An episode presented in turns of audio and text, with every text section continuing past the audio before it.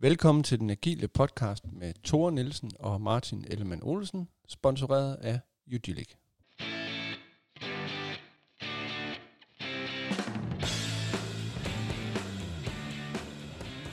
Velkommen tilbage til Den Agile Podcast med mig og ham, der sidder over for mig. Han hedder Martin. Hej. Hej Martin. Hej, Tore. Så er vi i gang igen. Yes. Sandheden er, at vi lige har optaget afsnit om product owner. Okay, Det kan, så, vi, så er den ude. det kan vi godt afsløre, ikke? Ja. Og så blev vi enige om, at vi skulle snakke uh, Safe 5.0. Så skal vi ikke også være ærlige og sige, at vi er ikke uh, super forberedte. Og vi har egentlig besluttet bare at tænde for mikrofonen, og så åbne Safe website, Scale Framework, og så snakke om, hvad vi ser. Vi tænkte, at øh, det kunne være måske meget sjovt for at give jer lyttere vores fuldstændig øh, ufiltrerede øh, first impressions omkring øh, Safe 5.0. Vi er sikre på, at det i hvert fald er sjovt for os, ikke? Vi Ja. prøver. Vi prøver at se, om der kommer noget, noget ud af det. Yes. Så jeg kigger på scaleagileframework.com. Det Altså- også. Det første, der springer i øjnene, og- og det er jo også, vi har jo hørt en lille smule om det, det er jo det her business agility. Ja, Så der er kommet en ny øh, blå overligger i toppen af, af det her øh, big picture, som hedder business agility. Vi havde faktisk en lytter, som skrev til os, og øh, godt lige kunne tænke at høre vores besøg på, hvad, hvad mener jeg egentlig om det? Så, Thor, hvad mener du om det? hvad mener vi om det, Martin? Fuck, der var du hurtigere.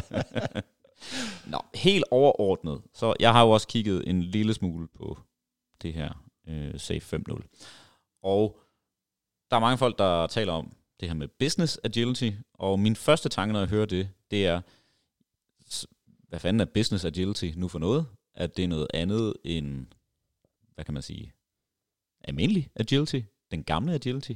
Hvad er det egentlig det nye, man tænker her? Og altså, for det første, så synes jeg jo, det er, det er måske ikke et sundhedstegn, at vi er nødt til at sætte det her business foran agility, for at kunne forklare, hvad vi mener. Fordi i min bog, så agility, jamen det, det, altså agilitet, det handler jo om at kunne være agil i forhold til netop forretning, altså forretningsagilitet. Mm. Fordi hvis det ikke handler om forretningsagilitet, hvad, hvad fanden er det så, vi får ud af det? Ja. Så jeg synes måske, det er lidt spøjst, at vi er nødt til at kalde det forretningsagilitet nu. Business agility. Øhm. Hvad, hvad, hvad tænker du omkring det? Jeg, jeg tænker lidt, det sådan er, øh, nu er det et hot topic, business agility. Det hører man mange steder. Mm. Og der er mange af de her big five konsulenthus, der snakker business agility. Mm. Og så virker det lidt som om, at det skal vi også understøtte i øh, Scale Agile Framework. Mm. Altså, vi, vi griner nogle gange af, at der er næsten ikke noget, der ikke er i det der big picture. Øh, og nu har de så også fået most øh, business agility ind. Det, det bliver det jo ikke nødvendigvis øh, dårligere af. Nej. Og jeg vil sige, vi har jo faktisk altid snakket om, at agile, altså teknisk agilitet, hvis vi skal kalde det det, skal jo ikke være for øh, agilitets skyld. Så er ingen grund til at være agile for at være agile. Nej. Man, man skal have et eller andet, andet formål med det. Og det vil jo ofte være at understøtte nogle forretningsmæssige mål. Det vi, det vi i virkeligheden også kalder business agility. Ikke? Ja, præcis. Altså, agilitet er en forretningsmæssig konkurrenceparameter Ja. I forhold til at kunne køre sin, sin forretning. Ikke? Jo. Så er agilitet, det er, det er noget, vi kan udnytte. Det er noget, vi kan, øh, der kan gøre, at vi kan øh, komme ud og fange de her muligheder og øh, hvad kan man sige, ændre vores forretningsmodel og styre vores virksomhed efter. Ikke? Mm. Ja. ja. Og noget, jeg så synes er sjovt, det er, når man så går ind og kigger på det, går ind og kigger deres øh, overblik, så har de nu sagt, at det skal være øh, kundecentreret, så det skal være med kunden i centrum. Ikke? Mm. Og, og, og det er jo sjovt, fordi det er jo det, Scrum eller Agile altid har handlet om. Ja. Altså, det er derfor, det hedder en user story, og ikke en developer story. Det er jo fordi, at det er med brugeren, useren, i centrum. Ja. Øh, og det afspejler det nu. Og det tænker jeg sådan set, øh, med mit kendskab til, til dine og, og de andre øh, gode folk i, i Scale Agile, Mm. egentlig hele tiden har været deres intention.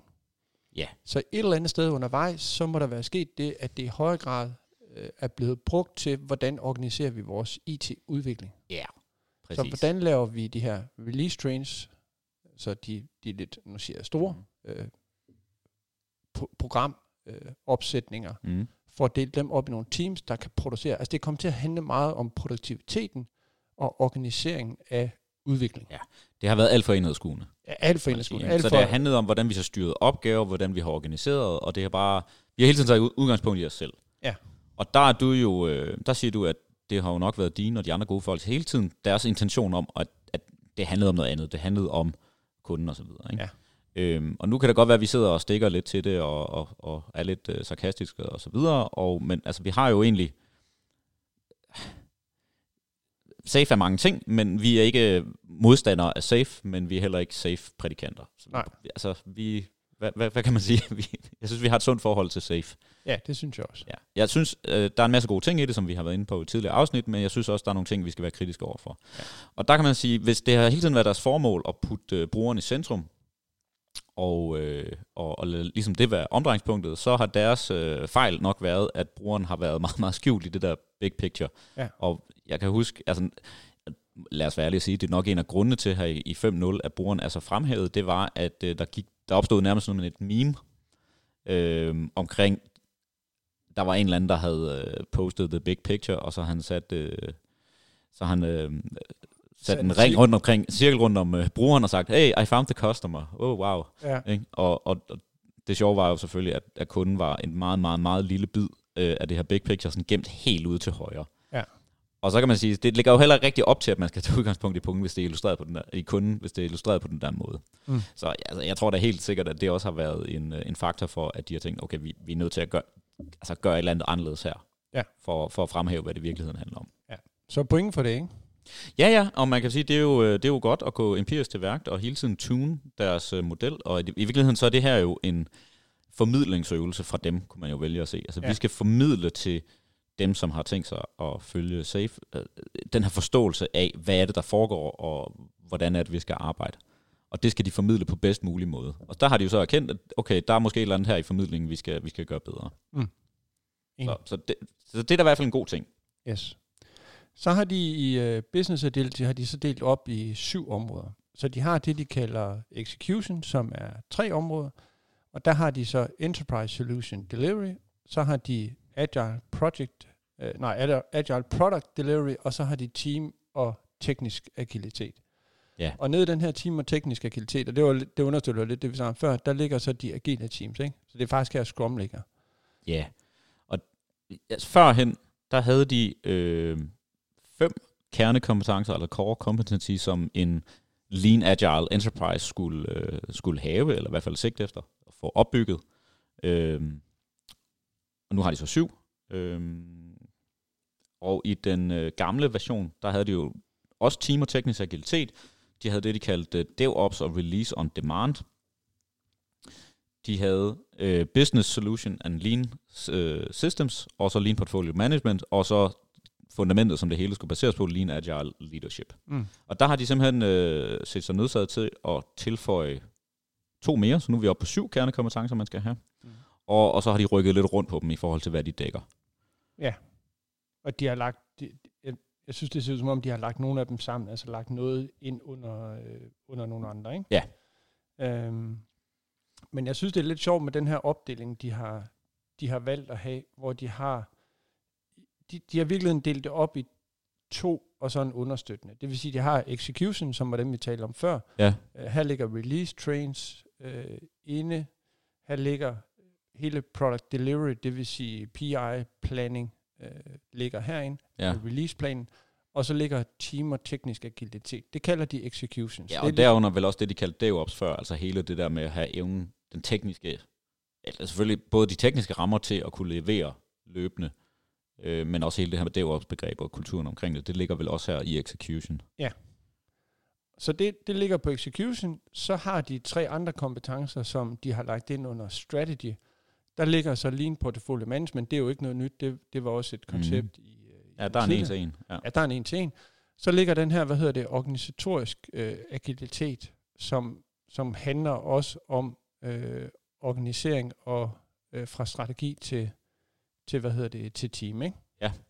Og så har de den her øh, kontinuerlige læringskultur øh, som det tredje ben. Mm. Så de tre ligger under strategi, ikke? Mm. Og, og det, det er jo lidt interessant, fordi det synes jeg jo er at skille nogle, i hvert fald sådan visuelt skille nogle koncepter af, som hænger meget, meget tættere sammen i Ja.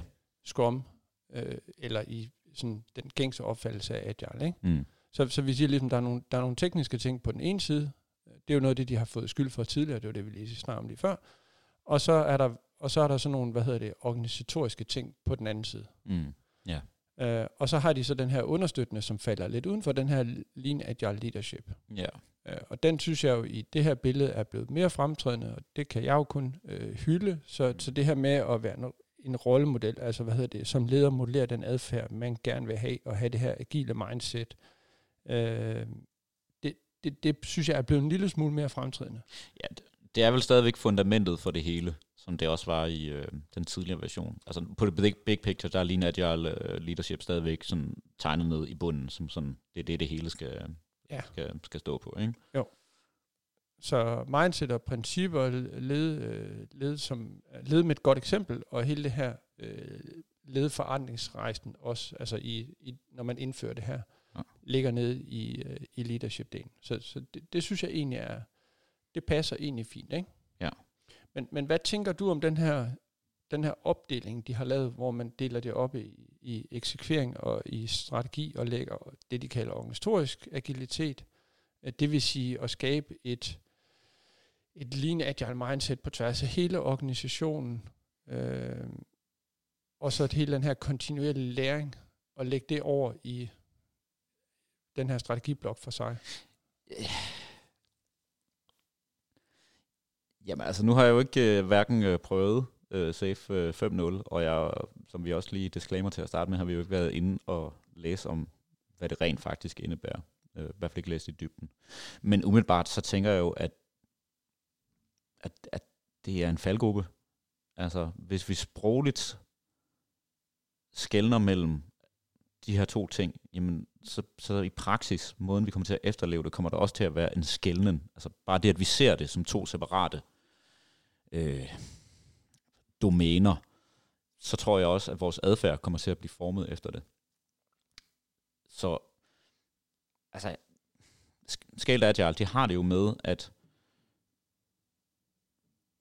definere et begreb, der skal dække over et eller andet. Ja. Øhm, og, og det- det gør de meget ofte, når de finder et eller andet problem, der skal løses, så opfinder de et begreb, og, og de, altså, det bliver til en ting. For eksempel nu har vi det her customer centricity. Så er det et ting, det er et emne, der kan skrives artikler og så videre, og man kan gå i dybden med det. Mm. Men ved at hele tiden opfinde begreber og definere ting, jamen så, øhm, så laver de jo også opdelinger Ja. på roller, på teknikker, på, øhm, på måden, vi skal tænke på, og måden, vi skal agere efter det her. Mm. Så, så altså, det er måske også lidt det, som jeg, jeg tænker, det, det er også det, du tænker. ikke. Så det der med at lave den der skælden, det tænker jeg, det kan være en faldgruppe, at det i virkeligheden får øh, to ting, som hænger unægteligt sammen, til at blive skubbet længere fra hinanden, når Mm. vi begynder at skulle implementere det her. Hvis vi tager det helt, øh, hvis vi tager det helt specifikt, så, så team og teknisk agilitet, altså teamagilitet, der hvor de agile team ligger, det ligger ligesom på, på den ene side, det ligger over i execution. Og så over i strategy, øh, i bunden af den, det er ligesom hierarkisk opdelt, sådan læser det i hvert fald. Øh, Det er det i hvert fald på leverancesiden. Øh, så over på strategy-delen, der har de så det her continuous learning culture, ikke? Og i continuous learning culture, der står så det her med, at hvad hedder det, alle i organisationen lærer og gror sammen, øh, eller vokser sammen, ikke hedder Ja. det? Øh, det at, og, hvad hedder det, være eksplorativ og kreativ skal være en del af organisations-DNA, Mm. mm. og kontinuerlig læring øh, er alles ansvar og sådan noget. Ikke? Og, og kan du for at vi snakker også i Product øh, Owner-afsnittet, øh, det kan vi jo heldigvis stadigvæk huske, øh, der snakker vi lidt omkring de her forskellige modenhedsniveauer, og på niveau på et eller andet niveau, niveau 3, så rammer man noget organisatorisk, hvor man skal have hjælp af nogle andre. Ikke? Ja. Så, så man kan sige, kritikken kunne være, det her kontinuerlige læringskultur skulle egentlig være bagt ind i teamet, så det visuelt at lægge det for sig, Ja. øh, sender et forkert signal. Ja. Omvendt, så kan man sige, kan du for at anerkende, at det ikke altid er noget, teamet kan gøre ved egen hånd. Mm. Så her kunne, altså jeg tænker, hvis man sidder HR og kigger på det her, så vil man kigge på kontinuerlig læringskultur og tænke, det må være en HR-opgave at være med til at facilitere det Mm. øh, og udbrede det. Ikke? Ja. så en, en sådan HR business partner vil i et agilt setup fokusere på at hjælpe lederne med at skabe det her. Og som du siger, øh, så er der nogle artikler omkring det, og der er nogle modeller, og der er nogle rammer, som man kan agere indenfor. Ikke? Ja. Så argumentet for at gøre det her, kunne være, at så bliver det en bred tværgående ting. Altså det her med kontinuerlig læring, det skal ikke kun være isoleret til nogle leveranceteams, eller nogle teams i det hele taget. Det er hele organisationen, der skal ja. arbejde med det her. Ja. Og, og lidt med far for, at vi så får et nyt PMO-lignende setup, ikke?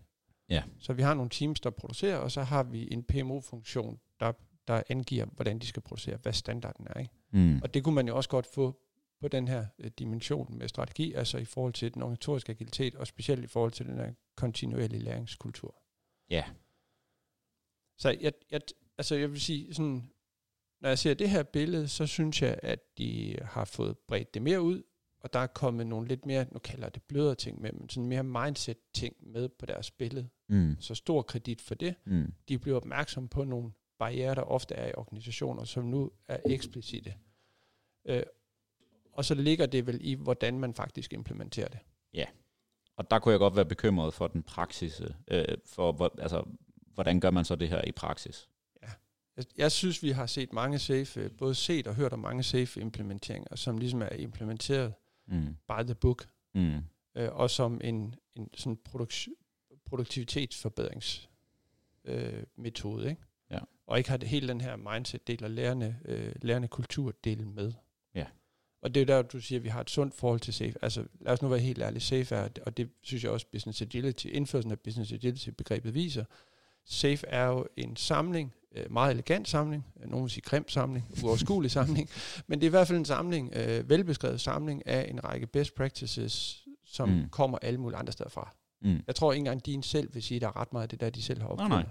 De har taget en masse øh, ting, der, fænomener, der findes derude, værktøjer, måder at tænke på, ja. begreber, og så har de organiseret dem. Ja, de står på skuldrene af en hel masse ja. andre, ikke? Og så har de øh, så har de samlet det i en sådan lidt lidt fordøjelig øh, pakke, ikke? Ja. Og det er jo så med far for relativt let fordøjelig. Relativt let fordøjelig pakke, ikke? Med far for at man så bare tager pakken, ikke? Og ja, og det er jo det vi har været inde på før, at i og med at det bliver præsenteret som en pakke, som et produkt, som en samlet sammenhængende øh, som et sammenhængende rammeværk, ja. der er testet igennem, øh, som sammenhængende regler, så bliver de øh, jo oftest, eller så ligger det jo i hvert fald op til, at man tolker det som en sammenhængende pakke og sammenhængende regler, og de bliver forsøgt efterlevet som det. Ja. Og det er der, at det i hvert fald i praksis begynder at give nogle øh, udfordringer, synes jeg, synes vi nok også. Mm. Øhm, fordi, altså, der er jo intet i SAFE, som er decideret forkert. Altså, det er baseret på, øh, hvad kan man sige, rigtige teorier, gode principper, praksiser, som alt sammen er inden for det samme domæne. Mm. Ikke? Altså, jeg kan ikke huske, om vi før talte lidt om det her, det bløde og det hårde paradigme, hvor det hårde paradigme er må, måske mere sådan traditionel øh, projektledelse, øh, mere sådan deterministisk måde at tilgå øh, verden, øh, hvor det agile er mere det her det i det bløde øh, paradigme, hvor det sådan alt er mere øh, emergent og relativt og alle de her ting. Ikke? Mm. Og alle de her ting, der er i SAFE, er noget, der rimer på det bløde paradigme, men ironisk nok præsenteret på en måde, som rimer mere på det hårde paradigme. Ja. Gi- giver det mening? Ja, enig. Og det kan jo så have nogle uheldige konsekvenser, ikke? Ja, og det, og det, er, måske, det er måske lige her, jeg godt kunne have min, øh, min skepsis. Jeg har, jeg har det nok flere steder. øh, men, men noget af det, de refererer, når de siger, hvordan, hvordan kom vi hertil? De har sådan et, øh, en meget fin lille historie, hvor de siger, hvordan endte vi her? Nu sidder jeg lige mm. og skimmer den. Det jeg i hvert fald kan se, når jeg bare kigger på tegningerne, det er, det skriver de jo også her, det er, hvad hedder det, Kotters øh, illustrationer. Så han skrev i 2014 den her bog, øh, Accelerate, øh, hvor han forklarer, hvordan kom vi fra den her øh, netværksorganiserede startup-kultur mm. øh, til de her hierarkier, øh, som mm. har svært ved at manøvrere de her supertanker, der har svært ved at vende. Øh, hvor, hvor han siger, at, at når en organisation vokser, så går den fra den her øh, kundecentreret, som, øh, som de kalder det SAFE, øh, netværksorganisering til at opbygge øh, hierarkier for at, få, for at blive mere effektive. Og på et eller andet tidspunkt, så er det hierarkiet, der får magten, og mm. så gør det op med, med, med netværksorganisering. Ja. Og hele Kotters pointe, øh, den kan vi jo så gå ned i ved en anden lejlighed. Det er den her med, at øh, det skal virkelig være sådan et dual operating system, øh, hvor vi både har det, hvad hedder det, effektive og stabile i hierarkiet.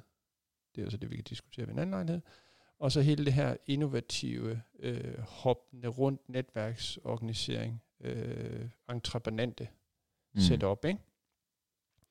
Og så claimer Safe, for det er jo meget elegant at sige, at de kan så være, de kan så være operativsystemet for, for netværksdelen af det, altså for mm. business agility. Ikke? Mm. Uh, så hele det her, uh, som Koller siger, whooping around, uh, innovativ, det er så safe, og så har vi så et, et traditionelt hierarki uh, ved siden af, ja. som supporterer det. Ikke? Ja.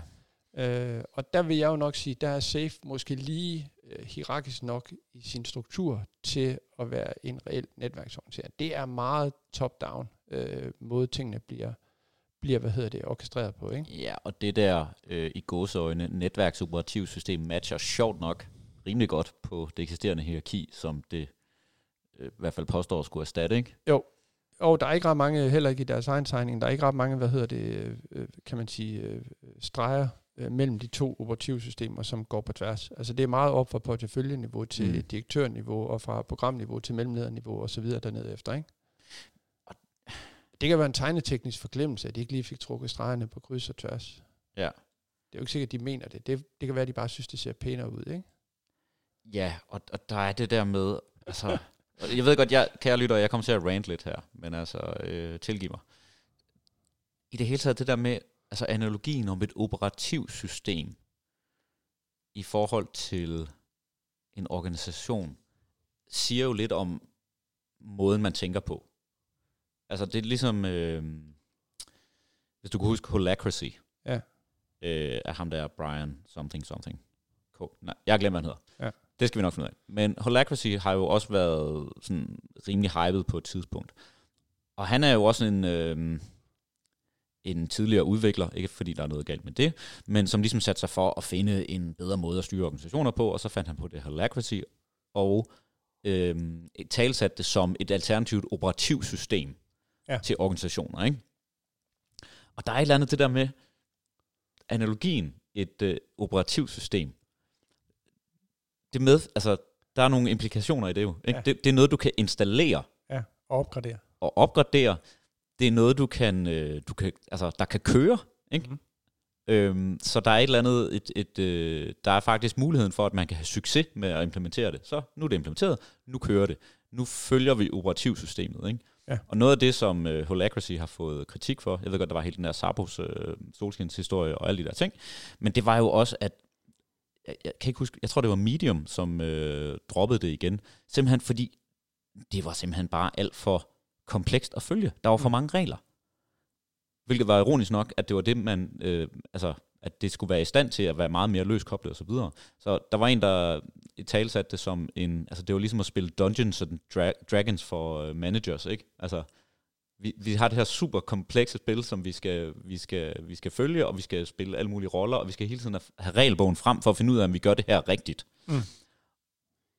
Og det er lidt det samme, jeg tænker her om Safe, ikke? Et operativsystem. Prøv at se, hvor mange ting der er i det, hvor mange regler der er, der skal følges, ikke? Mm. Og jo flere regler der er, jo, flere, jo, altså, jo, jo oftere kommer vi til at bryde dem og mm. skulle til at, at slå op i reglerne og finde ud af, gør vi nu det, det her rigtigt, ikke? Ja. Noget af det, de skriver her, øh, det er, at det er fleksibelt, og det kan, det kan organiseres og hurtigt reorganiseres uden øh, fuldstændig at, at disrupte det eksisterende hierarki. Ikke? Mm. øh, så der, der ligger jo det her, en, der, må, der må ligge en dekobling mellem det, det her agile, safe setup, øh, og så det eksisterende hierarki. Og, og det er simpelthen ikke min oplevelse. Det er også mit problem med det her dual operating system. Mm. Det er, man, man tænker lidt, de passer sig selv, og de passer sig selv. Altså næsten som om det er sådan to selvstændige organisationer, yeah. der ikke har noget med hinanden at gøre. Og, og i virkeligheden er det meget tættere forbundet. Yeah. Altså typisk i, kan man sige, i, i det eksisterende hierarki, der ligger noget, øh, der ligger noget logistik, noget med at levere produkterne. Der ligger noget, der kan ligge noget kundeservice, der kan, der kan ligge en masse ting, der ligger, hvad hedder det, økonomifunktion. Der ligger en hel masse øh, ting. Og og have en forestilling om, at så kan vi bare lave alle mulige produkter, nærmest som vi har lyst til, mm. uden at det impacter den øvrige organisation. Ja. Øh, gi- giver simpelthen ikke nogen mening i, Ja. ja. i mit hoved. Ikke? Nej, fordi hvad er der sker i mødet mellem de der to i gåsøjne separate organisationer? Ja, ja, og, og, og det er jo lige der, at der så opstår en konflikt, Ja. og i en konflikt, så ender det ofte med, at der skal være en vinder og en taber. Ikke? Ja. Øh, så, så helt enig.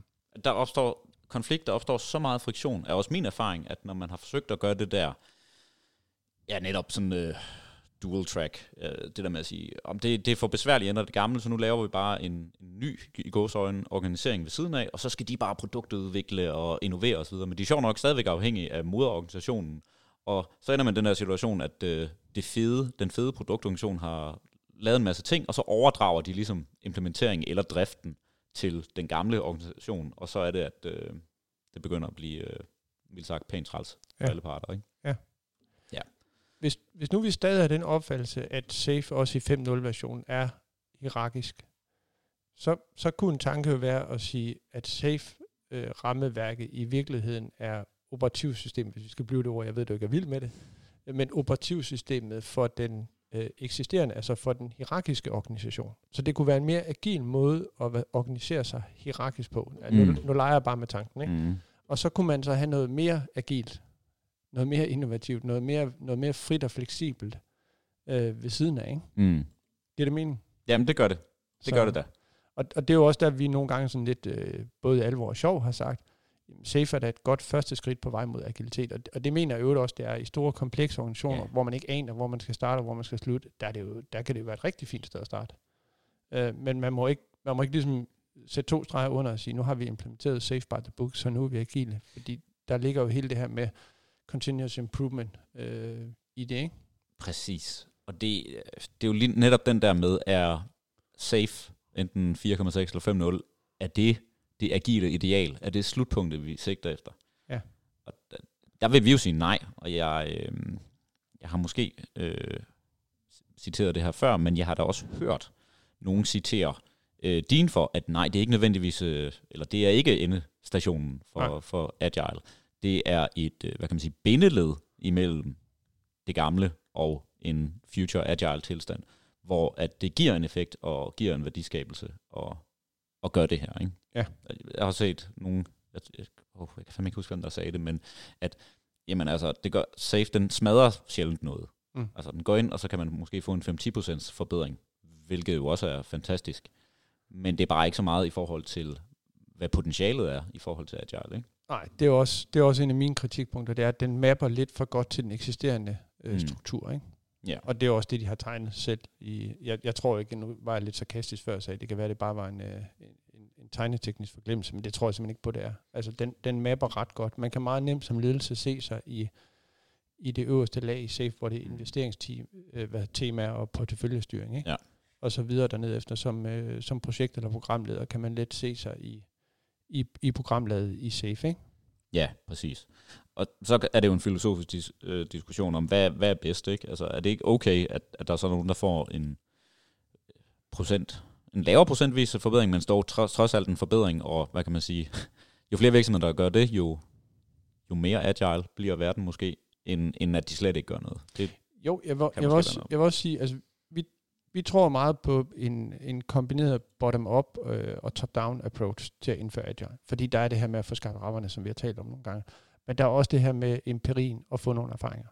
Og hvis du ikke har tid til, hvis din organisation er for stor, eller du ikke har tid, eller der er en sense of urgency i forhold til at gøre tingene anderledes. Hvis du ikke har tid til at sætte nogle enkelte øh, teams i søen, og få nogle erfaringer, og bruge det til at guide de øvrige teams, så sådan inkrementelt øh, skabe en bevægelse, og lige pludselig så eksploderer det, og så mm, er der mange teams, der arbejder agilt. Hvis ikke du har tid til det, så er, du, så er du nødt til at gøre rigtig mange teams på én gang, og så er der jo lige præcis her en ramme til, hvordan er governance setupet Ja. rundt omkring det, uden at du tager sådan unødig kæmpe stor risiko. Ja. Så, så det giver jo egentlig meget god mening. det gør det. Helt sikkert. Og øh, det er sikkert en kæmpe hjælp for rigtig, rigtig mange virksomheder, og der er en masse af gode ting i det, uanset om du kører hele safe eller bare en bid af det, så, så er det jo, som vi også var inde på tidligere, et godt opslagsværk til at zoome ind på nogle øh, praktikker, som man, øh, man kan få en masse inspiration til her. Så vores, vores umiddelbare holdning til SAFE 5,0 Og, og nu har vi jo kigget meget på business agility. Ja. Det kan jo være, der er sket andre forandringer også. Ikke? Men ved første øjekast, så er det det, vi fokuserer på. Det er, at det er vel en forbedring over Safe, øh, hvad, hvad var det, 4.5 eller 4.6, ikke? Øh, det er en forbedring over den forrige version. Ja. Fordi at det her forretningselement og kundefokus øh, er blevet mere eksplicit. Ja. Men for mig at se, så er det altså stadig kun en inkrementel forbedring. Ja, ja. En mikro-inkrementel forbedring. Altså, det er fint, at de bliver mere skarpere på deres budskab, og, og med far for at lyde lidt arrogant, så har jeg jo hele tiden ønsket, at i den, den, den næste... Min, min forhåbning til C5.0 var faktisk, at de har gjort det enklere. At de har fjernet nogle ting. At de har kondenseret nogle ting sammen, slået nogle ting sammen. Og det er lidt tilbage til det her med, hvordan er det, vi, øh, vi møder den her kompleksitet, vi arbejder med, som er det at udvikle software, det at arbejde med store organisationer og bla bla bla bla. Jamen er det med mere kompleksitet? Og, og der er jo nogle af de andre øh, tænkere inden for det her felt, øh, og de andre rammeværk, jamen de møder jo netop det her med mere enkle rammeværk. Altså mm. simple regler. Det er ligesom måden, du kan øh, overleve og navigere i det her komplekse landskab. Mm. Og jeg synes, det her 5.0, det er et skridt modsat retning. Altså, vi er gået fra fem kernekompetencer til syv kernekompetencer, du mm. skal. Altså, der er bare endnu flere ting, vi skal kunne kunne, for at, at være en god agile enterprise. Ja. Og det er der, jeg drømmer om, og jeg synes, der er mange gode ting i Safe. Hvis man skar det, skar det mere ind til benet, så tror jeg, de vil komme bedre igennem med deres, øh, deres formidling. Ja. Nu sidder, nu sidder jeg lige, mens du taler og, og kigger på det. Det er lidt interessant, at i uh, Safe er jo, findes jo i forskellige konfigurationer, afhængig af hvor kompleks organisationer de løsninger, man laver, er. Ikke?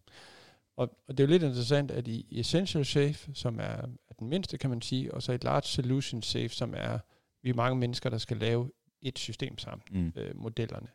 Der findes Business Agility faktisk ikke. Det er først, når vi kommer op i hvad, altså, portfolio safe og full safe, at Business Agility bliver introduceret. Ikke? Og, og hvordan skal man tolke det? Jamen, det ved jeg simpelthen ikke, men, men det er jo interessant, at når vi siger, når vi kører Essential Safe, altså hvis nu vi skal være søde mod dem, så kan det være, at de tænker, at det er jo naturligt bagt ind, Essential Safe og Large Solution Safe. Mm. Der er man naturligt så tæt på kunderne, at det ikke er noget tema. Mm. Og, det, og det var lige præcis det, der var, der var en af vores anker, det er, at det skal jo ikke være noget, der er klistret på ved siden af. Nej. Det er en naturlig del af det agile mindset at have kunden i fokus. Ikke? Mm. Men lige pludselig, så har man så behov for, når man snakker portefølje øh, og full safe, så har man behov for eksplicit øh, at introducere det her begreb og sætte kunden i centrum. Øh, det, det der er interessant. Man kan også tolke det som om, at vi kan faktisk ikke have forretningsagilitet uden at have et portfolio safe med. Så kan man også godt læse den. Øh, ja. Så hvis vi bare gør alle de der ting, så, øh, så, har vi, så kan vi ikke opnå forretningsagilitet. Altså vi er nødt til sådan helt op for porteføljeniveauet og have det med, før vi kan tale om det. Ja. Som et andet take kunne være, hvis det naturligt er bagt ind, når vi, når vi arbejder med mindre setups, altså Essential Safe øh, og Large Solution Safe. Ja. Så er vi tilbage til ved en af vores gamle pointer, at den bedste måde at skalere på er at deskalere kompleksiteten. Ja, nemlig. Så skal vi jo i stedet for at, at ligesom aggregere det op i, i det her porteføljeoverblik, sige, kan vi dekoble nogle af afhængighederne, som vi også snakker om i PO-afsnittet, og lade teamsene køre mere øh, autonomt. Ikke? Ja.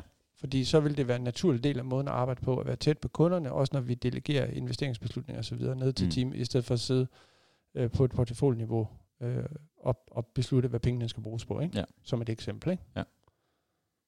Ja. Hvad, hvad synes du om det her? I forhold til, om det er en, øh, en forbedring eller et skridt i den rigtige retning? Jeg synes, hvis man implementerer det, som jeg læser C5.0, så er det, og, og, nu, og du griner, fordi jeg sidder og smiler over hele, over hele hovedet, ikke? Øh, nej, jeg synes at det er, øh, jeg, jeg synes, det er et skridt i den rigtige retning. Mm. Altså, jeg, jeg synes, øh, en ting er, at det kommer lidt sent, øh, og det kan virke lidt opportunistisk i forhold til, hvad der rører sig i markedet, mm. ikke? Øh, men, men det synes jeg ikke, de skal have, altså, det har vi ligesom været nok efter dem for, ikke? Mm. Vi, må, vi må også anerkende dem for, at de har fået noget, formentlig noget empiri fra deres kunder. Øh, og som du selv siger, der, der blev lavet lidt sjov med det der med, nu har jeg fundet kunden. Ikke? Mm. Øh, og kunden var før helt ude til højre, nærmest sådan ved at glide ud af billedet, næsten ved at falde, ja. falde ud af billedet. Ikke?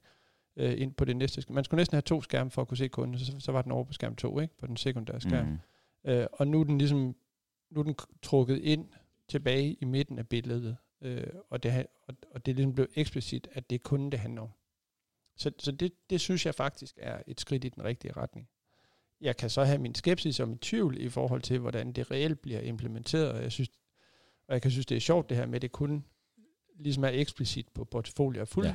øh, full safe, så jeg synes heller ikke, de er der endnu. Øh, og det er ikke sådan, at jeg bliver fanboy af, at de har implementeret øh, business øh, agilitet. Men jeg synes da også, det giver en mulighed for, øh, for mange af de kunder, vi også møder, organisationer, vi møder, som øh, kender til SAFE og har læst om SAFE, at have en dialog omkring, hvad betyder det egentlig for jer? Altså hvad forretningsagilitet i jeres kontekst, uagtet om I kører SAFE eller I gør noget helt andet. Mm. Øh, hvad betyder det, ikke? Ja. Kunne man ikke også være lidt, hvis man skulle være øh, lidt led ved dem, så kan man jo godt sige, okay, det er først i nu her, jeg ved ikke hvor meget, efter hvor mange år, 5-0, at I opdager, at hov, det der med at have kunden i centrum, det er sgu nok super vigtigt. Og så, så, så får vi det lige den nye udgave. Hvorfor kommer det først nu? Hvor, hvorfor er det først nu, I lærer det? Og hvor meget øh, tyngde har det så, når man går ind og klikker på Customer Centricity, så skriver de, at customers are the ultimate beneficiaries of the value, og bla bla bla bla.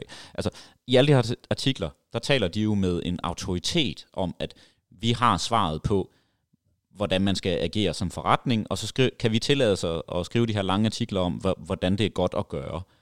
Og når det først er nu her i 5.0, at de begynder at tale om det her, hvor meget troværdighed har de så lige? Men er det særligt agilt at sparke bagud på den måde? Er det ikke, er det ikke bare anerkendt, ligesom alle andre agile teams, så bliver man, øh, så bliver man klogere undervejs? Og nu, nu er de så nået dertil, hvor de har fundet ud af, at vi er nok nødt til at sætte kunden i centrum. Det er faktisk her i version 5 nu, er det faktisk meget god idé, at vi gør det kundefokuseret. Jo jo, og, og bedre end at de slet ikke gjorde det måske. Men der er jo også en standard. Altså der er jo også en, det er jo ikke noget, at de, I don't know, i, hvis det først var i version 11, at de nåede frem til, hov, det er måske meget godt, hvis I leverer øh, færdig software øh, løbende. Det har vi lige fundet ud af. Mm. Det, det er jo ikke det samme, som vi så sidder og klapper hen. Nå, det var godt, I lærte det.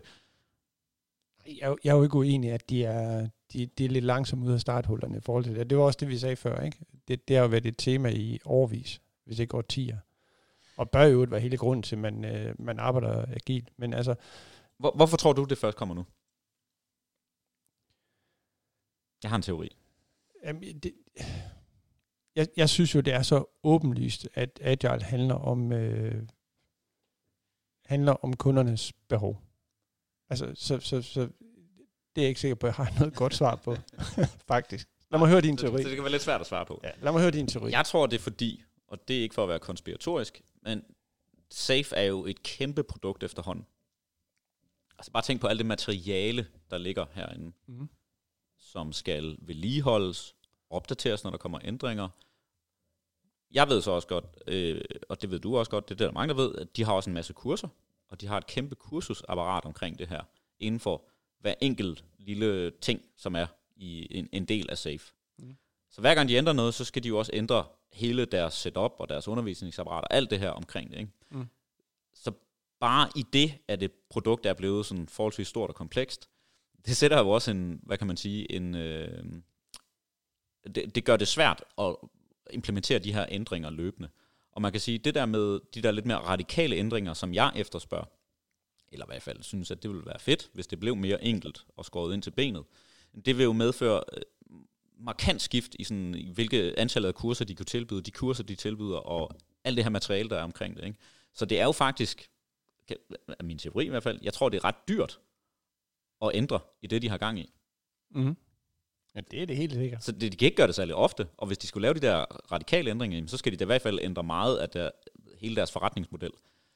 Hvilket ironisk nok er sådan lidt, det, det er sådan lidt deres forretningsagilitet, der nok ikke er så høj i forhold til at kunne gøre det. Det kan være, det er derfor, de bliver opmærksom på det. så det, det du være. siger, det er, at safe det udvikler sig til en monolit? Ja, det vil være en meget god måde at beskrive det. Som nu er fuldstændig umuligt at vedligeholde? fordi det ikke er, hvad hedder det, højsomhed. Det sætter i hvert fald en begrænsning om, hvor meget, hvor meget de, kan, de kan ændre af gangen, ikke? Altså du kan godt se det, nu, nu skal der jo så til at komme se 5-0 kurser, og nogle, øh, noget, alt muligt materiale, der skal opdateres, og hvis der kommer nogle nye roller, eller hvis der kommer færre roller og sådan noget, så skulle de også til at ændre i det. Og de, de bruger jo Safe til at udvikle Safe, har de også fortalt. Ja, ja. Så de bruger det på sig selv, og dermed opsamler noget empiri. Okay, hvis vi er i det konspiratoriske, ikke? Men det er vi. Det er sådan et afsnit. ja, det er sådan et afsnit. Nå, Nå, det tror jeg ikke, det var. Og rollerne er jo byttet fuldstændig om. Nu er det mig, der sidder og forsvarer safe. Hvad fanden sker der? Altså, undskyld mit franske, men det er jo, det er jo helt... Det plejer at være omvendt ord. Det holder ikke der. Nå, hvis vi er i det konspiratoriske, så kunne det jo også være, fordi at man er nødt, der er nødt til ligesom at når man skal lave en opgradering og overbevise sine uh, guldpartnere, hvad man nu ellers, platinpartner, alle de der, mm. man har rundt omkring i verden, de konsulenthuse, jeg vil lige sige store konsulenthuse, det er nogle af dem. Men man har en masse partnere, der underviser i det her, og, og hvad hedder det, går ud og rådgiver omkring det. Mm. Eller faktisk sælger deres kurser, hvis vi skal blive din terminologi. Mm. Så skal der jo, når man laver en opgradering, så skal der, så skal der være noget kød på benet, ikke?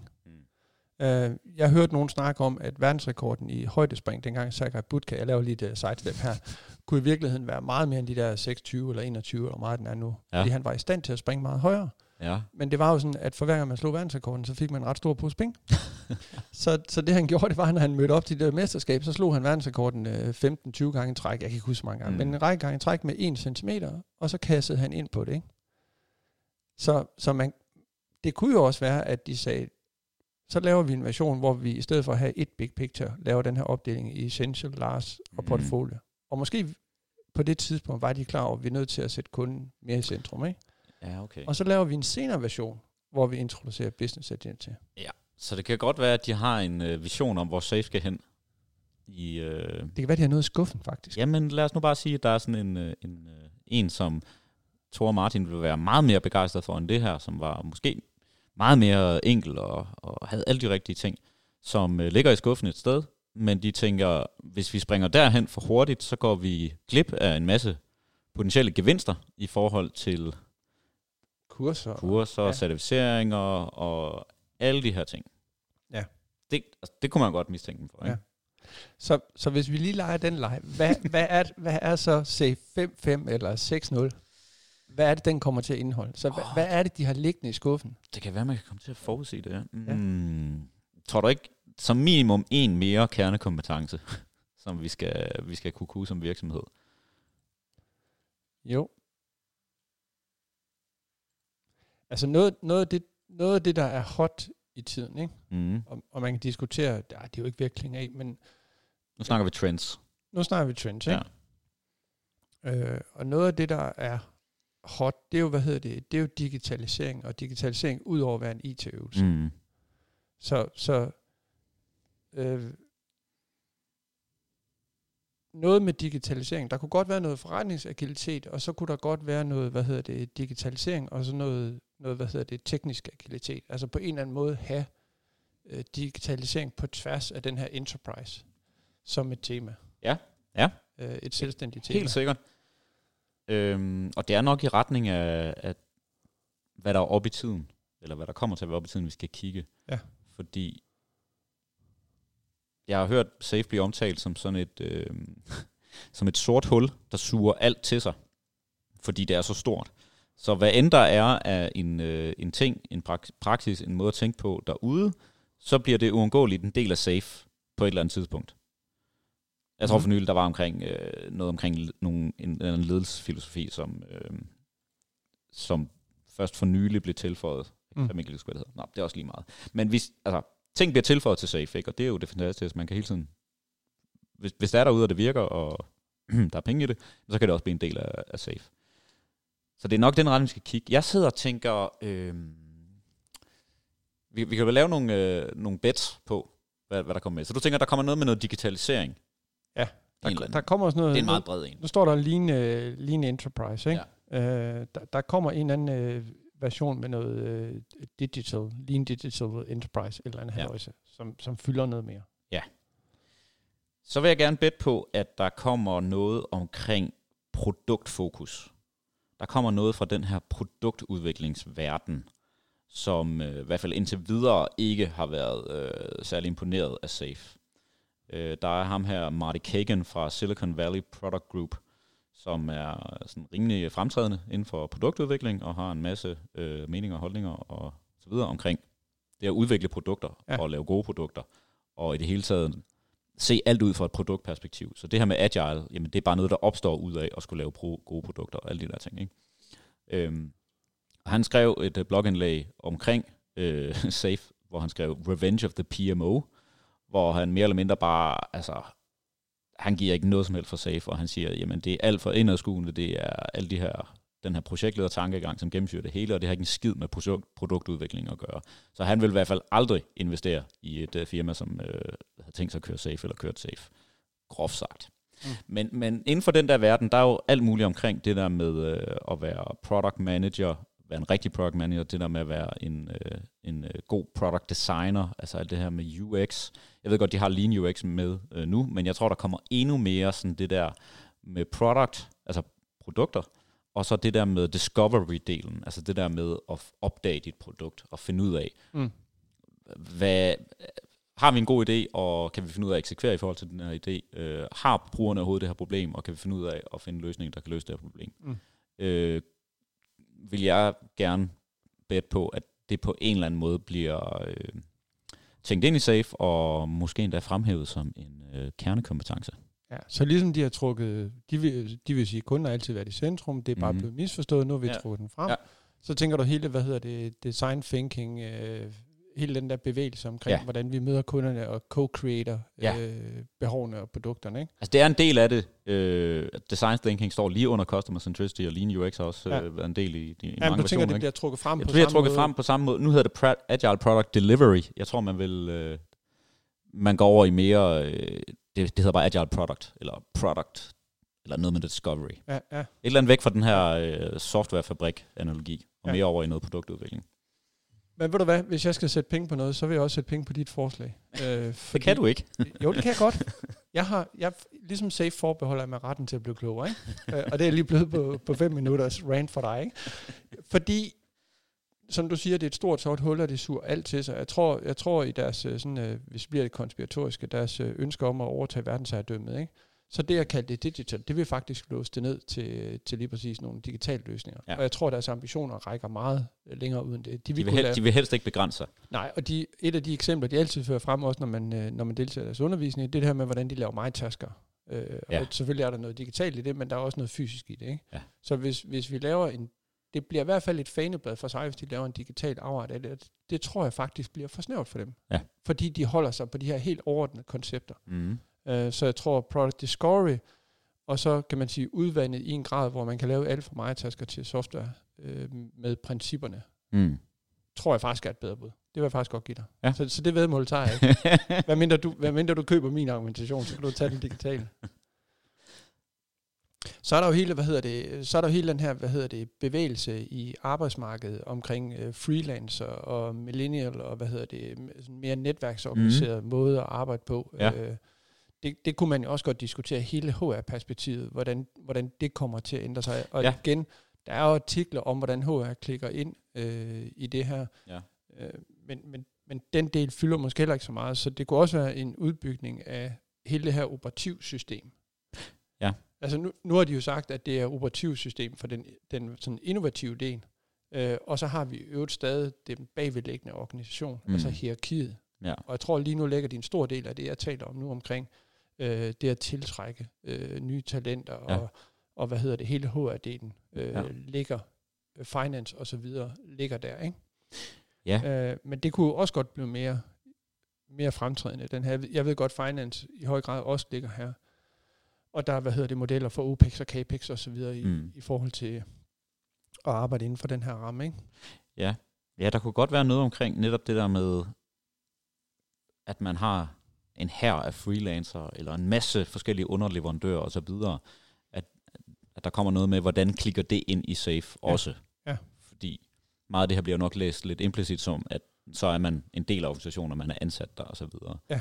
Men virkeligheden i dag, og det bliver nok også mere virkeligheden fremover, det er, at det er meget mere løst koblet netværk, hvor folk kan sådan klikke ind og ud. Ja. Ikke? Jo. Så nytter det jo ikke noget, hvis Safe er en alt for permanent organisering.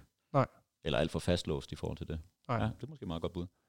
Og, og, samme, øh, og samme, hvad hedder det, diskussion kunne vi have i forhold til Scrum. Ikke? Vi siger, at man skal være fuldtidsallokeret en del af teamet osv. Ikke? Mm. Men, men hvis nu spidskompetencen på et eller andet design, øh, task, øh, sidder freelance et eller andet sted ude i, i verden, ikke? altså ja. 99 designs hvor man øh, crowdsourcer ja. øh, design for 5 dollars, ja. og får noget, der er væsentligt bedre end sin egen designer kunne levere på tre uger. Ikke? Ja.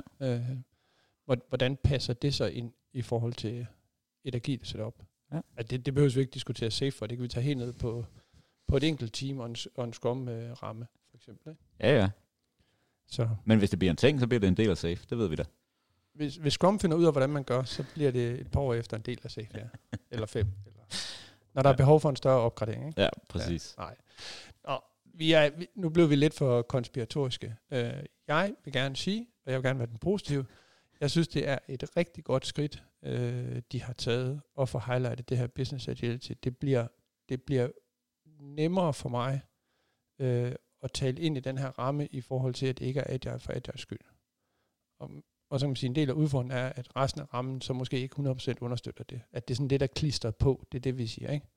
øh, i stedet for at være en integreret del af det. Men, men kunden er kommet mere i centrum, og, og jeg synes, det her med at have fokus på øh, organisationen, der skal enable den her måde, og jeg læser lidt ud af de der syv, øh, de her nye syv praktikker, at der er en anerkendelse af, at der er noget organisatorisk tyngdekraft, som kan gøre det svært. Og det er point for det. Ja. Godt gået. Ja, det var meget diplomatisk af dig, Martin. Martin, han skal ud og holde leading safe kursus her i morgen. så. det skal jeg i hvert fald ikke. Stakkels kursister. Nej, det, det kommer ikke til at ske. Nej. Men, øh, men godt set din. Øh, Ja. Virkelig kæmpe kado for det. Ja. Og jeg har sagt det før, siger det igen. Der er en masse gode ting i det her, som også virker i praksis derude.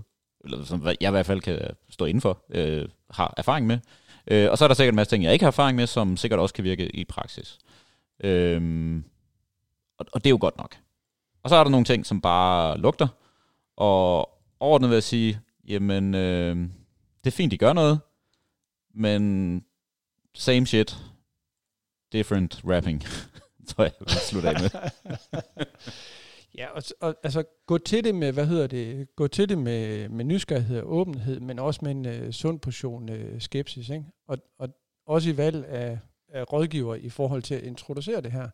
Hvis, hvis man vælger en rådgiver, der, der kun har den her hammer i værktøjskassen, som kun kan safe, Mm. så kan det være en lille smule svært at bevare en sund skepsis og kunne se andre muligheder. Om det så er LES eller DAT eller Nexus eller hvad det er, hvis vi taler skaleret, eller det bare er, lad os deskalere og køre øh, helt almindelig Scrum ja. på teamniveau. Ikke? Ja. Øh, så, så kunne man jo vælge flere rådgiver, eller også kunne man vælge rådgiver, der, der har lidt forskellige værktøjer med i kassen. Ikke? Så Ja. det ikke er den der med, for en hammer er, er alt søm. Ikke? Præcis. Øh, og, så, og så, hvad hedder det, der ligger jo en række proven practice i det her rammeværk. Øh, kig på dem, og så ligesom alt muligt andet, gør det til, få det til at fedte det formål, man har med at introducere det i den pågældende ja. organisation. Ikke? Ja, og som, som du også er inde på, pas på med at lægge det hele på et bræt. Altså, jeg, jeg vil passe på med at specialisere mig kun inden for ting, der ligger i safe. Nu har vi lige snakket om, alt ligger i safe, ikke? Ja. Men, men hvis jeg øh, var for meget en del af safe, jamen så vil det nok også være sværere for mig at se kritisk, have den her sunde skepsis omkring tingene, fordi jeg netop også er afhængig af det, jeg laver. Men det er, det er noget safe, øh, ligesom er med til at supportere, ikke? Ja. Øhm, og altså, det kunne godt være min grundlæggende bekymring for efterhånden, som, som safe is uh, eating the world, det er, at, at, at det bare bliver hvad kan man sige, systemet, som alle er afhængige af, så vi kan lige pludselig holde op med at øh, kritisere det, eller vi har svært ved at kritisere det, og vi kan ikke rigtig øh, innovere det på den måde, som, øh, som det også trænger til, ligesom alt andet. Mm. Jo, og der, og der må vi jo også kigge ind af, fordi nu sidder vi sådan lidt heldigt og bryster os af, at vi kan have mange forskellige rammeværker. Øh, Det er jo lidt det, vi siger mellem linjerne, ikke? Øh, Og ikke, ikke specialister i, i safe, øh, men kan også være kritiske og holde det op mod andre rammeværker. Mm. Men hvis vi, hvis vi flyver lidt højere op i helikopteren, så, man sige, så er det jo svært for os ikke at se, at tingene skulle være agile. Ja, præcis. Altså, ja, ja. Så, så, så der er måske også en opfordring til, når man skal løse en problemstilling. Altså, bliv klar på det der why. Hvad, hvad er det overhovedet, vi vil opnå med det her? Ja. Øh, og, så, og så ligesom prøve at forholde sig til, måske, det siger jeg ikke det her, måske kunne Prins 2 være et, øh, en bedre hammer til at Ja. løse den her problemstilling med. Ja, det er, jo, det er jo med at få tæsket den der ydmyghed ind i hovedet. Ja. Med jævne mellemrum. For Ja. ellers så ender man hurtigt i den der med. Ja, Og, og lander man på, at Prins 2 er svaret, så er det måske ikke også, man skal ringe til. Nej. Eller så er det måske netop også, man skal ringe til for at blive klogere, ikke? ja præcis. Nå. Ja. Men det var, det, hvad- jeg synes faktisk, det var meget sjovt at prøve at tage sådan en Ja. ja. uh, lidt dry take på, uh, på safe. Øhm, Det kan være, at vi kommer tilbage, når vi faktisk har sat os ind i ja, hvad ja, der præcis. Så kan, vi, så kan vi trække et land, og uh, Ja. ja. det kan være, uh, ja. Men det, det er var godt, vores umiddelbare vurdering. ja, nu, har vi, nu er den her podcast jo ikke på engelsk. Det er måske meget godt. Men Ja. det kan da være, at Dean han ringer til os en dag og Ja. siger, hey, der er noget, I har fuldstændig misforstået. Det, det vil da være meget fedt. Men jeg siger sindssygt godt gået din øh, næsten rettidig omhu. Ja, Kado for, øh, for intentionen bag. Var det det? det var vist det. Tak for den gang. Tak for nu. Vi ses. Hej.